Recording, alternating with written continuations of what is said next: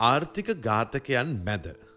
ආර්ථික ඝාතනයේ මෙතෙක් හෙළි නො වූ රහස් සමගින්. හිටපු මහබැංකු අධිපති අජිත් නිවාඩ් කබ්රාල් මහත්මා විසින් රචිත ග්‍රන්ථය. දෙදස් විසි දෙකේ ඔක්තෝබර් මාසේ තමයි මෙය ජනගත කෙරෙන්නේ. දහවෙනි පරිච්චේදය. ජාත්‍යන්තර මූල්‍ය අරමුදලට කලින් ප්‍රවේශ නොවීම. ජාත්‍යන්තර මූල්‍ය අරමුදලට නොපිවිසී මේ අර්බුදවලට මුහුණ දෙන්නට ශ්‍රී ලංකාවට වෙනත් සැලසුමක් තිබුණාද. දෙදස් විස්ස වසරේදී මුල් භාගයේ සිට ජනාධිපති ගෝටාභය රාජපක්ෂ යටතේ පැවිති රජය ආර්ථිකයේ බාහිරංශය සඳහා සංරච්චක කිහිපයකින් සමන්විත පුළුල් සැලැස්මක් ක්‍රියාවට නංවා තිබුණ. සමහරකා පෙන්වාදිනට හදනා කිසිම සැලස්මක් තිබුණ නැහැයි කියලා ට ඒ ඒක අසත්‍යයක් ඉතා පැහැදිලි සැලස්මක් තිබුණා. එම සංරච්චක නම්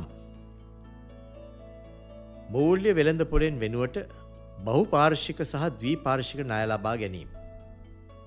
හරිත්ත මූල්‍ය කරණය ග්‍රීන් ෆයිනන්සිං හරා දිගුකාලනි ණය ලබා ගැනීම.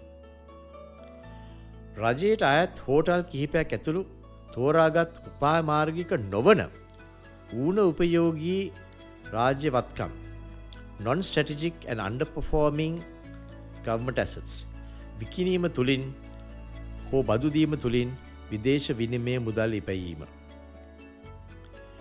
මෙරට මහබැංකුව සහ වෙනත් රටවල මහබැංකු අතර මුදල් හුවමාරු ගණු දෙනු. ස්වප්පරේන්මන්ස් පහසුකම් හරහා විදේශ මුදල් ලබා ගැනීම. විවිධ මිත්‍ර රටවලින් ද්වීපාර්ශික මුදල් ණය සහ වෙනත් වෙළඳ ණය ලබා ගැනීම.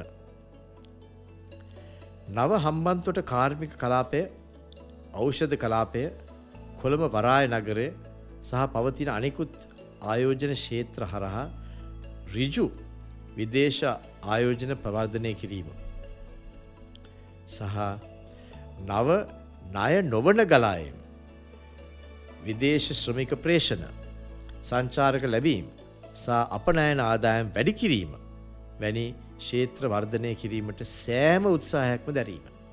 විවිද්ධ සෞඛ්‍ය ගැටලු සහ අස්ථාවර දේශපාලික පසුබිම හේතුකොටගෙන සියලු සංරච්චක මුලින් සැලසුම් කොට තිබූ ඉලක්ක අනුවම සාර්ථක ප්‍රතිඵල නෙලා ගැනීමට අපෝසත් වුවද රජයේ ඉහිත ස්ථාවරය සහ සැලැස්ම පුළුල් ලෙස සන්නිවේදනය කොට දියත් කොට තිබුණා. එම සැලසුම් සියල්ලම විවිද්ධ අමාත්‍යංශ සහ ජනාධිපති කාර්ය සාධක බලකායන් හරහා උනන්දුවෙන් ක්‍රියාවට නංවන ලද අතර සෑහෙන මට්ටමක සාර්ථක ප්‍රතිඵල ලබාගන්නටත් සමත් වුණා. කෙසේ වෙතත් දෙදස් විසි දෙක මාර්තු පාස්වනි දින ශ්‍රී ලංකාව ජාත්‍යන්ත්‍ර මූල්‍ය අරමුදල වැඩසටහනක් අනුගමනය කරන්නට අපේක්ෂා කරන බව ජනාධිපතිවරයා ප්‍රකාශ කළා.